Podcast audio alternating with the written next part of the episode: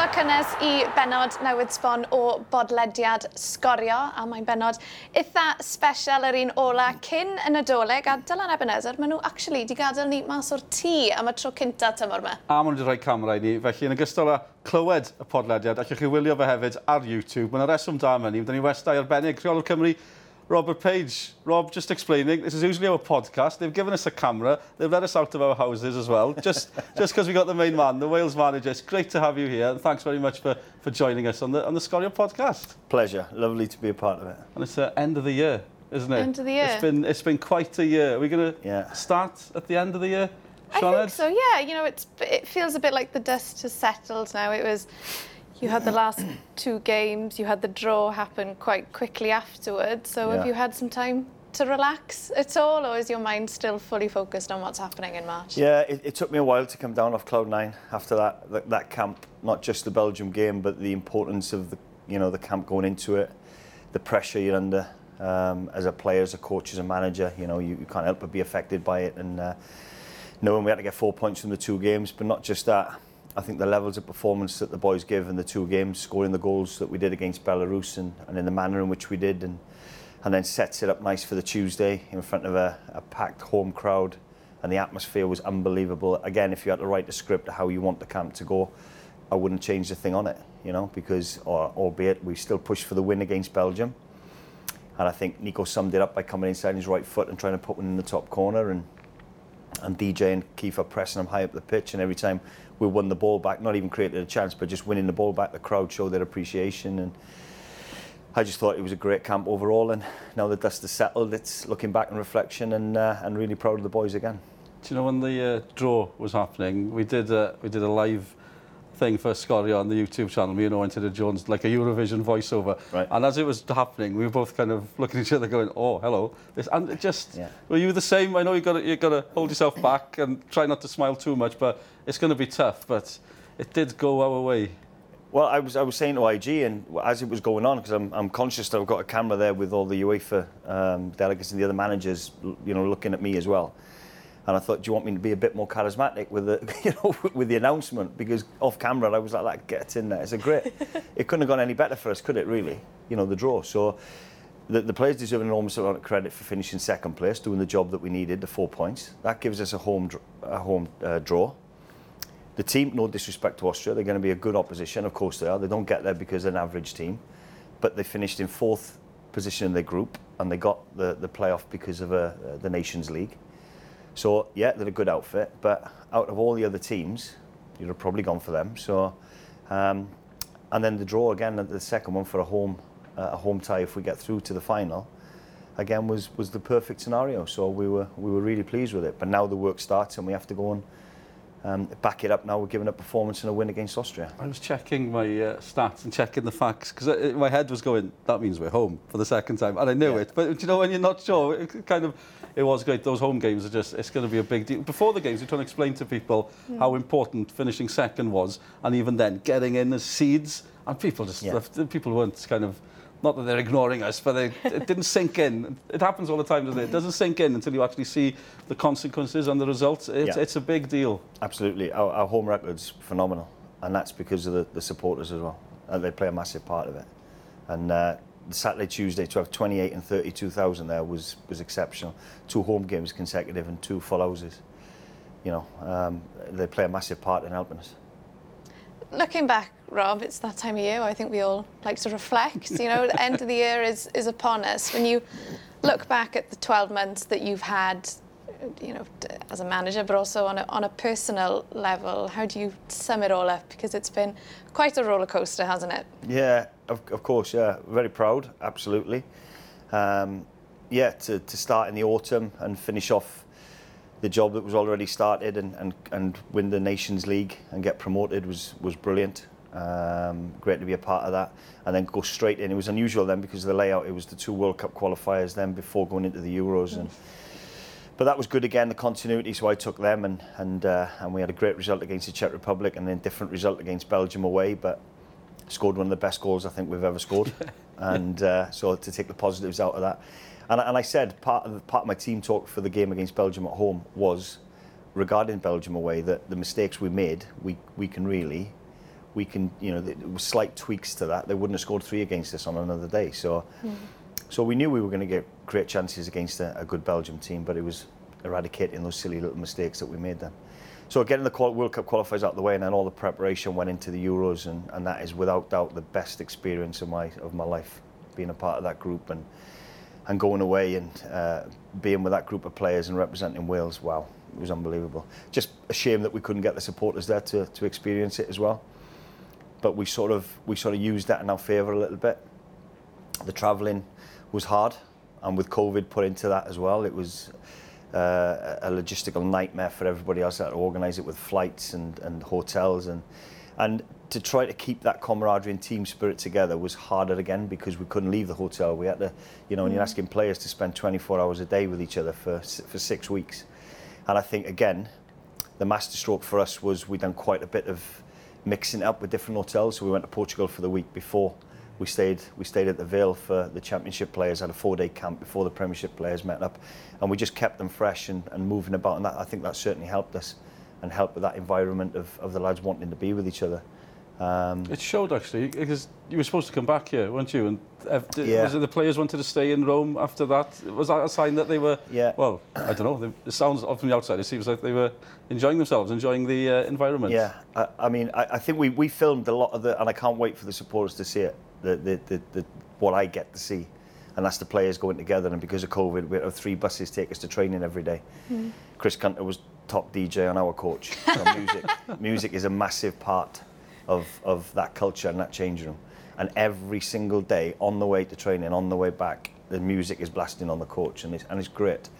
Um, and that and that plays a massive part of it. And and and we did create an environment where it was it was tournament environment, and it would have been an anticlimax to come back. And no disrespect, the facilities we've got here are second to none, but it wasn't the right thing to do at that time. And, and I backed the players, and I was I was in full agreement. And And I spoke to the president at the time and the FAW, and they completely backed us. It was about that moment in time where we're creating something good. And, and I believe if we hadn't done that, we might not have got to the knockout stages. So we were in Baku where the training facilities were unbelievable. We had a group of staff go over early and, and the work they'd done was was second to none again to create an environment. They got to watch the Grand Prix though, didn't they, in Baku? The, they, ones, the ones that turned up early. They, No wonder there were so many volunteers. That's a win-win situation. it was a win-win. but they, they created that training facility for us where we had our own, you know, we had a, a, a marquee built with a gym and, and the lads loved it. So the original plan was to go there, go back to the hotel and maybe a few lads would go back up to do gym in the afternoon. But as it panned out, they didn't want to leave. So we didn't see a cloud for the time we were out there. The mm. weather was gorgeous. They trained for an hour on the pitch. They got out of the shade into an air-conditioned marquee where they could do their gym and there was a, a 50-inch plasma that they could watch TV and a coffee machine and we, we created that environment where that they didn't want to go back to the hotel. When they were ready after a couple of hours to go back, we'd go back and they'd have showers ready for evening meal. We had a pool table for them, a table tennis, to, just to create that again environment where they want to be a part of each other's company. Because of COVID, they can't just go out to the hotel and, hmm. and go get out of somebody's you know company and, and go for a walk. Um, and I thought we dealt with that really, really well. But to stay out there was really important for us. One of the funniest conversations I overheard was someone trying to explain to Robbie Savage why he couldn't get on your flight because it was all part of the bubble. He'd reached Yeah. Baku and he just couldn't believe that he Yeah. wasn't allowed on the Wales flight. Yeah, he messaged me. Yeah, can I, can I ask for a favour? I think Nathan Blake tried to explain to him, no, Sav, you- you're travelling with us. Do you know that you Yeah. said that tournament environment? Was it? What did it feel like from your point of view? You know, this, the buses getting to the game. I know it was, it was a massive stadium, you UEFA were everywhere. Did it feel different to a normal game? The, I'll share this with you. The best experience for me was I think we were we were due to play Italy in Rome, and we got there um, three minutes early, so they wouldn't let us in the. We, and, mm. but but the, to go into the changing rooms, you had to go into the stadium and, and down this concrete corridor. It's the only way you can describe it. And the staff had gone early, so and and around the corner you could hear the beat of Amaro Heed come Oh. Chris Gunter's got the music playing, and it's blasting. And it's not just blasting, all the lads are singing it. And the staff that were looking at our accreditation cards, they just stopped and, and turned like that. And they could not believe that our players were coming around the corner singing it. And everybody was like that, just sat in awe of it. And that for me was a very, a very special moment, yeah. Definitely. I love that. That's cool. That's cool.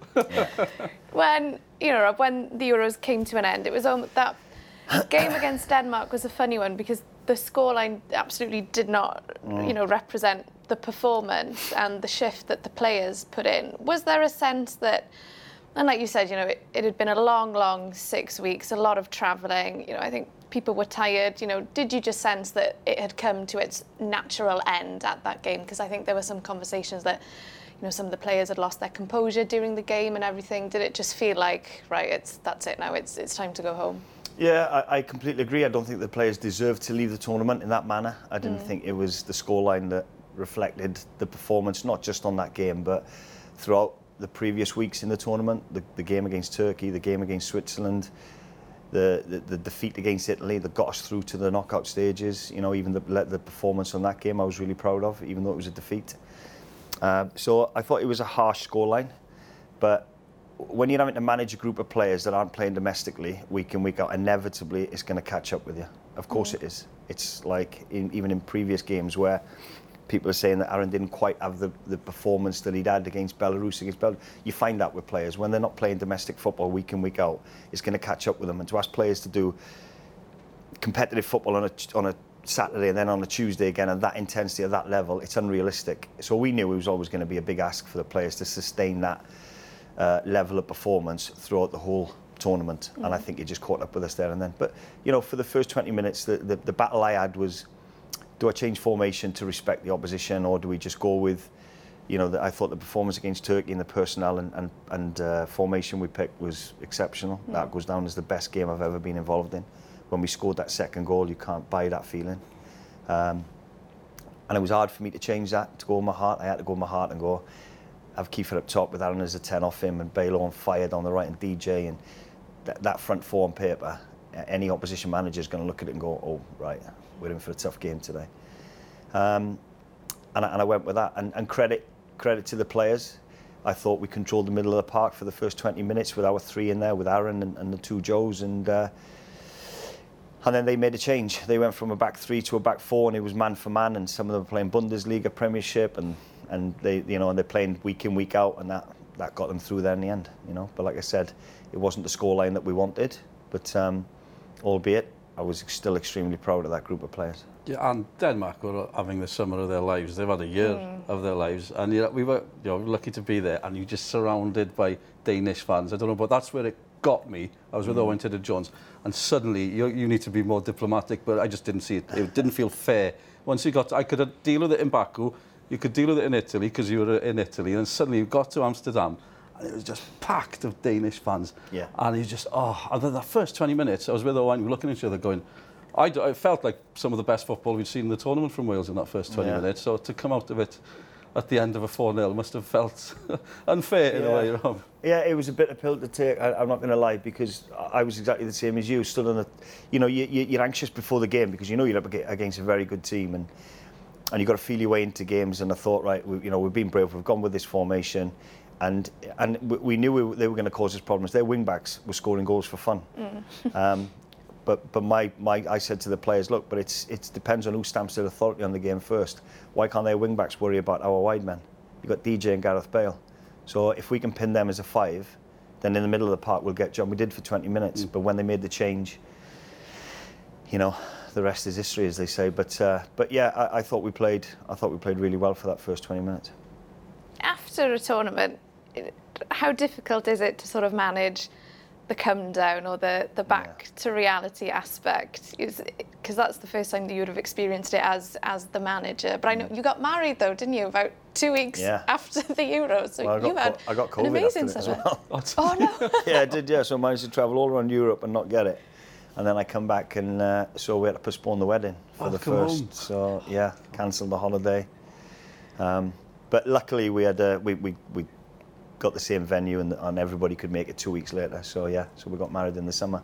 So it's been a busy summer. But inevitably, when you're on camp and you just got you, yourself to worry about and you're in that environment, it is difficult then to come out of that and go back to family life and and be back with your kids and the wife and and you know I'm speaking for the players as well. I've been there as a player as international and you come away and it does take some time to adjust back into normal family life. But um, yeah, a good wife will knock you back into shape straight away. It must be strange because I was following all the players on Instagram as you do, and and, and the wives because you see more through the eyes of the wives. And uh, Colleen, Aaron Ramsey's wife, uh, when he came back from the last camp, oh, Daddy's home and he's being dropped off. He's still in his Wales kit. And within two minutes, he's got a dog. He's got a, a son clambering on top of him, and it's just like it's brilliant, isn't it? It's that back to reality, I guess. back to being dad. Absolutely. You yeah. said something earlier about um, how intense these camps are. Do you know, going back before the Euros again, that Czech game at home, we were all second game of a group. It's only the second game of a group because the mm. groups are quite tight. Mm. We were thinking, God, this this could be a must win. I know everybody asks you stuff like yeah, that. And yeah. You're like,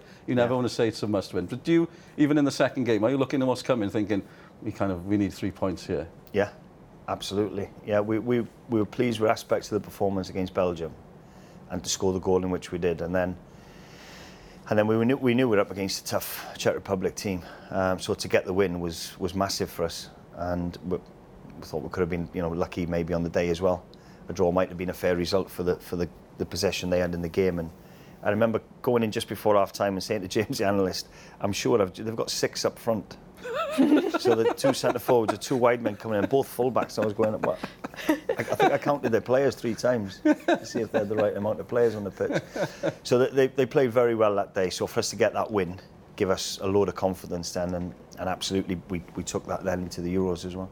Yeah, it was a, it's been an intense year. It's been an intense year, and we, the last episode of the, well, a couple of episodes ago, Rob, we had IG on the podcast, and we talked about you, if that's all right. And you know, IG said that when, you know, you came in under tricky circumstances, um, and he compared it, you know, a little bit to what happened with with Chris, with Chris Coleman. And do you feel like you've grown into the role, and are you much more, I guess, confident, you know, in in yourself now because you know you've had a year. And I think just as fans, and you know, we can see you are the manager, and just you know the job you've done has has been outstanding. Oh, thank you. Um, yeah, I, I think the circumstances weren't easy, but when I, you know, I can't speak highly enough about the players, and when you've got a group of players like that that, that have that help you with that continuity, and the standards that they bring to the changing room and what's expected. I spoke to Gareth in the last camp about it. We had a good conversation because he was he was injured for the second game against Belgium, so I had, I had quite a bit of time where I could spend with him and more than normal then. And uh, and and we were talking about the, the environment and, and who creates it and and how it's continued. And and like he said, you know, when you've got good senior players and, and good young lads coming into that, the senior players can't rest because they know these are waiting for their jersey. These know they can't cross the line because these will, will clip them and, and you know and say, well, this is how we work here. Um, and, and it managed the change room manages itself. It's brilliant to watch. Um, so that's been that's been easy for me because I've been able to just go right. You senior boys, so I, I, I get you know Wayne Hennessey, I classes that, Wardy, Chris Gunter, Joe Allen, Aaron, Gareth, Ben Davies. You know, you, you talk about those players there. They're great professionals. Um, and every now and again we'll have a committee meeting, so we'll get them all together if, if I want to. Got to have a committee in Wales. got to have a committee. got to have a committee. And if I want to tweak something or, or slightly change something, I'll, you know, I want them to be a part of the process. It's not all about this is what I want to do, and you've got to have buy-in from the players, absolutely. And if you get those six, seven players that I've just named to buy in, then the rest are going to absolutely follow. So, uh, so we do that, and I show them that respect. Um, and and yeah, and I think that's helped my job because then I've just had to focus on the opposition and, and getting the team in place, and, and inevitably you're going to upset players because everybody wants to play. They come away on international camp, they want to play and represent their, com- uh, their country. Um, but I think I have grown into it. Like I said, I am becoming more and more confident, and uh, I learnt a tremendous amount through the Euros, absolutely, and working with people like Albert as well, that is now, you know, fully committed to Arsenal. I leave us in September, and that's given me an opportunity to bring Alan Knill in. Um, Alan's got a wealth of experience, and he plays. Living in Sheffield, I've watched Sheffield United play in the Premiership, and the formation that I like three-five-two, and, and there's no better coach for me out there that that knows how to play that formation. And I think you've seen it in recent games how we play that 3-5-2 now and, and the chances we create and the goals we score. Uh, I think Alan's absolutely added to that, so I've been able to put my stamp on things with, with regards to that coach coming in as well. Um, and and ultimately, I'm just having the time of my life. How can you not? It's the best job in the world. It's absolutely the best job in the world. Brilliant, and I can imagine. Up... Well, I can't imagine. But I can you know, yeah. you, you go through life, we all go through life, you, you have experiences, good and bad, and you kind of learn from them. Or You hopefully you learn from them. so the next time it comes on, as a manager, is that the same? Because you've been on that touchline in the last year against Belgium twice. You've faced Italy in Italy. Yeah. So Mancini, Martinez, you've been up against yeah. some some heavyweights. Uh, those experiences, how much have they helped you as a manager when you're going into your next games? Absolutely. I thought Roberto Roberto shows class, doesn't he? Every time, you know, I've, I've always I've always followed him from when he was at Swansea to watch watch his career and and uh, and his, his kind words after the game were mm. were, were very appreciated, you know, because uh, to, for somebody of his quality to say that means a lot. So, yeah, some of the games I, I look back on it now and think, gee, gee has that really happened? You know, it took me two days. I was still pinching myself after the Belgium game. The feeling you get from that camp in front of our own supporters, I was literally still pinching myself two days later, thinking, "Please don't let this be a dream. this this has had to happen. We have got the second spot." And yeah, It felt like it was a great. massive confidence booster. I don't know, my, my, my mates follow Wales you know, as, as fans. And they sort of, I, I think the vibe was, we know we can do it, but they weren't 100% sure that we had it in the tank against that level of opposition. And just, I know Belgium were through, but the performance Wales put in, it seems to be just a massive confidence booster, I don't know, for you and the team, yeah. I'm sure, but for everybody, yeah. all the fans were like, by the time the draw came round, you mentioned it last week with IG, I know we got a favourable draw, but even if we hadn't, I think people yeah. were like, come on, let's bring it on. Absolutely. And I think part of our reservations as well is we've always been that second game in the camp. And it, it comes down to, again, our players not playing week in, week out and sustaining that level of um, fitness inside them. And, and uh, so, you know, understandably, y- not only is it just the second game, it's against the world's number one team as well. Uh, and, and listen, everybody says they made changes. Of course they made changes. But are you telling me those players went in, they're not playing for a place in the future? They had everything to play for. Sometimes that works against you because you've got players starting going, right, I'm going to show him. I should Yeah. be playing in the next game. They still Not, got De not Bruyne and revert back to the Witsel, starting uh, 11. They still got De Bruyne and Witsel stomping around. Yeah, and if there's anybody who didn't want the ball to drop to on the edge of the box, it was him. So, Absolutely. yeah, we, we go 1 0 down. And what pleased me again was our reaction after that. Hmm. Because when you go 1 0 down after so early on in the game, you think, right, this next five minutes is really important. If they dominate possession again, this this could go, you know, another one. And you, then you're 2 0 down after 20 minutes maybe. But it didn't. And I, and I felt really comfortable. Even though we 1 0 down, I was on the side thinking, no, we're all right, yeah, we're okay. We'll, we'll still create chances. Uh, so to show the character that they did to come back from the world's best team, go goal behind early on. Again, I can't speak highly enough of them. They're brilliant. something my favourite moment, which might be a bit strange to say from that game, Rob, and I hope you don't mind me saying this, was seeing you in tears after the game. Yeah. Because that's something that you don't see often from, Mm. from managers in, in football, and I, I love that. And I think that to me just summed up being Welsh, Mm. and you could tell, because you probably had fans in tears as well. Are you an emotional person? Was that just kind of the, the Mm. yeah, I'm a nightmare. Yeah, I am a nightmare. Yeah, I, I, do you know what? I, I get emotional in the game as well, so I'm, I'm not sat there with tears in my eyes in the game, but I get caught up with, with everything, every action, and sometimes I, I tried it in uh, in Prague in the Czech Republic. I said, right, I'd, I had a chat with myself, and I went, right, sit in the dugout, don't get emotionally involved. You've given them all the information, let them get on with it. I think I lasted two minutes before I was up on the touchline.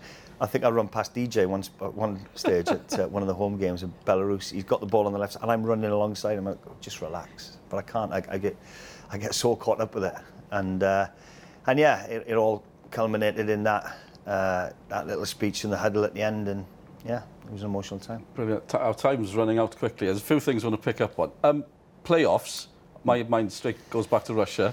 It's yeah. nearly 20 years since that. You were part of that campaign, not playing in, in, in that playoff, but uh, John, does it feel like another opportunity? We've had so many opportunities to get to a World Cup. Is this... Uh, it's a big moment next year? Yeah, I played part of that campaign. I missed the games through injury, the, the final two games, and I thought we were. It was harsh how we didn't, how we didn't go through. But I think we're in a much stronger position now than what we were back then. I think there's no surprises now that we've got this. Whereas back back then it was there was no expectations for Wales. Was there really? There was. No. You know, if if we do brilliant now after two consecutive qualifications for the Euros, excuse me, given the level of performances against some of the top teams in Europe that we've done, we're in a far better position, and like you said, we're full of confidence going into this now. Mm. mean, given a, a great performance against Belarus and scored goals, and then followed that up straight away with a, a great performance against Belgium. w- We can't wait for these games. Put it that way. We're, we're in a far better place. I think a uh, trip to Qatar has been added to everyone's Christmas list this well, year. We got to Azerbaijan as the press, and obviously you mentioning the training ground and that, that sort of marquee, the air-conditioned marquee. Yeah. Somebody's going, this is what Qatar's going to be like. yeah. I guess that helps yeah. as well, the little yeah. experiences. You must have seen some crazy changes in your football career. I've just mentioned 2003. Is it like early 90s, 93 started with Watford? I was watching the Premier League um, yeah. programme recently. Mm.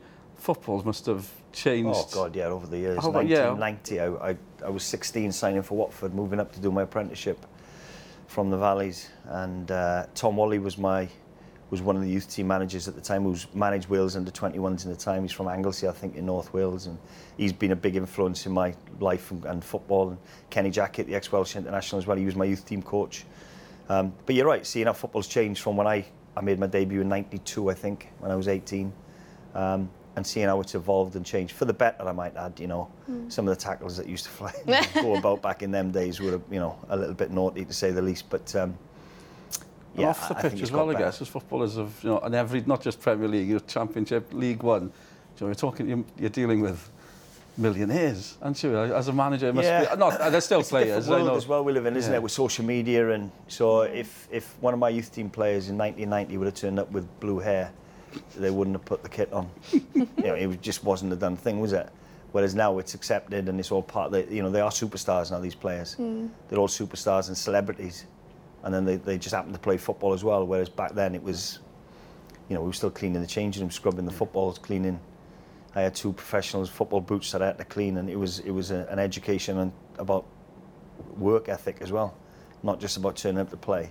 And I think clubs today they, they've got away from that a little bit. They're not getting the youth team players to clean changing rooms, and so we've seen a different brand of football and, and breed of footballer. Yeah, I've, Tom Walley, his name comes up, uh, maybe because you know we work with Malcolm Allen and Iwan Roberts, who also went to Watford, who also had, Yeah. sorry, also had the Tom Walley experience. You know, how, how important are these these people to any player at, at an early age? For me, imperative, absolutely. Grounds you. It's not, not, it's about being a man, not just about playing. It's about how you, you know, if you're 15 minutes early for a meeting, you're late. It's, you know, I've never been late for a meeting in my life in football. Um, it's about instilling values into you that, you know, are really important to get you through life, not just football. So I can see why Tom's had a great impact on Iwan and, and Malcolm and, and myself as well, and many other Welsh footballers that have gone to Watford through him. Another thing that strikes me, Rob, is you were club captain at pretty much every, I think I'm right in saying every club that you were at. So, That means I've got a mouth on me. You know what I mean? but that, you know, that role of being a leader, that's obviously been in you since a mm. very, very early age. So I guess it's almost no surprise that, that you are a manager and that you are now with the national team. Maybe, yeah. I think moving away from home at 16, you have to grow up overnight. You know, mm. you go from your mother making you toast in bed and calling you to get up for school to full-time work. You know, getting up at seven in the morning, getting a bus into Watford from St Albans, go doing your jobs, cleaning the balls, cleaning the boots, getting the kit sorted, then driving half an hour to Stanmore to train, going back in the afternoon, doing your jobs, cleaning the physio room, hoovering the carpets, so, you know. Um, then the kit man would come around and inspect the jobs. If they weren't good enough, he'd stay there till five and do them again. Getting on the bus, falling asleep into your evening meal. It's a culture shock, you know. But it's you have to grow up, and uh, and I think that that helped me with with being a leader then as well, yeah. And uh, like I said, I took that into football, into training. I always wanted to be the best trainer and work hard, and and I think that's just held me in good stead then for future, yeah. It's fascinating because we've, as from the outside, you know, people are so impatient with young footballers. And look, someone like Dan James, for instance, what he went through going from Swansea to Manchester United. He was in a Leeds kit, nearly signing for Leeds, losing his dad. And we're just watching him on the pitch going, oh, come on, he's missed a chance. The stuff that they go through at that age. And you're, you've been with the under-21s and the youth team, so how crucial is you know that from 15 to 20 years old, say, for, a- for a yeah, young it's player? a great point. That you know, everybody just sees DJ as what he's, he's playing for Man United. Yeah. What, what, that lad went through. A, he's been through a hell of a lot this last couple of years, and how he's conducted himself throughout all that is credit to him and his family. He's he's a first class lad. Um, and deserves all the success he's going to have in his career because he's worked hard for it and the commitment he's shown and, and sacrifices he's had to make. Every, every player that plays football at top level will have had to make unbelievable sacrifices. They get paid handsomely to do it, don't get me wrong. I'm not saying that for one minute, but what I am saying is they've, they've worked really, really hard and had to make sacrifices to get there. And it's a great point you make about DJ. I think when he went to Man United, he'd had one season in the Championship hmm. and, and played really, really well. The season before that, he was going to Shrewsbury on loan, got injured, and they sent him back early because he wasn't quite right. Then he goes into Swansea's first team in the Championship, hits the ground running, does really well, and gets a move to Man United. And I think circumstances at Man United at the time dictated that he went straight in the team. So he had that pressure to deal with. He's now at the club in Man United, the stature of that club, and the pressure and expectation of having to score goals for them. And and every young player will dip in and out of form. It's natural. They're still growing as, as people, as, as players. And then you've got to manage that. And I think at times at Man United, there was a lot of pressure put on him where he could have been maybe protected a little bit. Mm. But then he's, he's at the club now where he's, he's enjoying his football. He's playing really, really well. I've asked him to do something slightly different for Wales, play as a centre forward as, and not as a wide man. Him and Kieffer have worked really well together. Yeah. And, and again, I think he's now he's at a club where he's loved and, and wanted, and uh, and he looks like he's enjoying his football again. We've mentioned social media. The, vid- the puppy video is still my favourite video on the internet. His girlfriend surprising him with the dog is the best thing. Um, I am aware this is supposed to be a Christmas special, even though we're not looking very festive in our all black My outfits. surname's Ebenezer, so I'm Scrooge. I, saw, I told someone the other day, someone, uh, sorry, I'm not mentioning young people all the time. I think he was in his 30s. He'd never heard of Ebenezer Scrooge. I We've don't, got that's our it. own The world's Ebenezer gone. Scrooge here. Ebenezer Scrooge. Rob, we've got some quick fire Christmas questions for you, if that's all right. What's your favourite Christmas song? Little donkey, Lovely. Favourite Christmas film? Home Alone. We thought you might be Oh, Die yeah, Hard. we had you down as a die hard man. Yeah. It's So like there's an- soft mint. I look hard on the outside. I don't see that's a Christmas film, but everybody says it is. I think Polar it is. Express. There's another one. Oh, that's my favourite. Absolutely love it. That's my favourite. That one always makes me cry. Um, do you have any family Christmas traditions at all? Oh no, I'm going to Playing be boring football, now. probably, most of the time. No, see, Christmas for me has been yeah, but always involved in football until I until I finished playing, and even then going into coaching and management. So some Christmases I wouldn't even be there. What's this Um, Christmas going to be like? Is it going to be more traditional? Yeah, well, we're gonna have quite a quiet Christmas this year. Just myself and the wife this Christmas. All my the kids are growing up now, and Kate's got uh, two young girls. So yeah, it's slightly different. But when you get all the family together, I think Boxing Day is going to be the one. My my son is 15 on Boxing Day. Oh, wow. Happy Um, birthday. he's the basketball player, so we're Oh, um, wow. yeah. So we'll have a nice do for him and and have a, a special day on Boxing Day instead of Christmas Day. And after lunch, watch loads of videos of Austria playing football. Yeah. Starting to do He'd the be homework. pleased with that, wouldn't he? Happy birthday! Look what I've got for you. Superb. Well, is it time to wrap it up there? wrap the presents, wrap up the Wrap the podcast, wrap, up the year. Thank you so much for your time. Thanks for the year. Got to say that on behalf of everybody that's followed Wales. And uh, yeah, I think we're looking forward to next year, Rob, as well. Thanks. Absolute pleasure. Thanks for having me. Brilliant.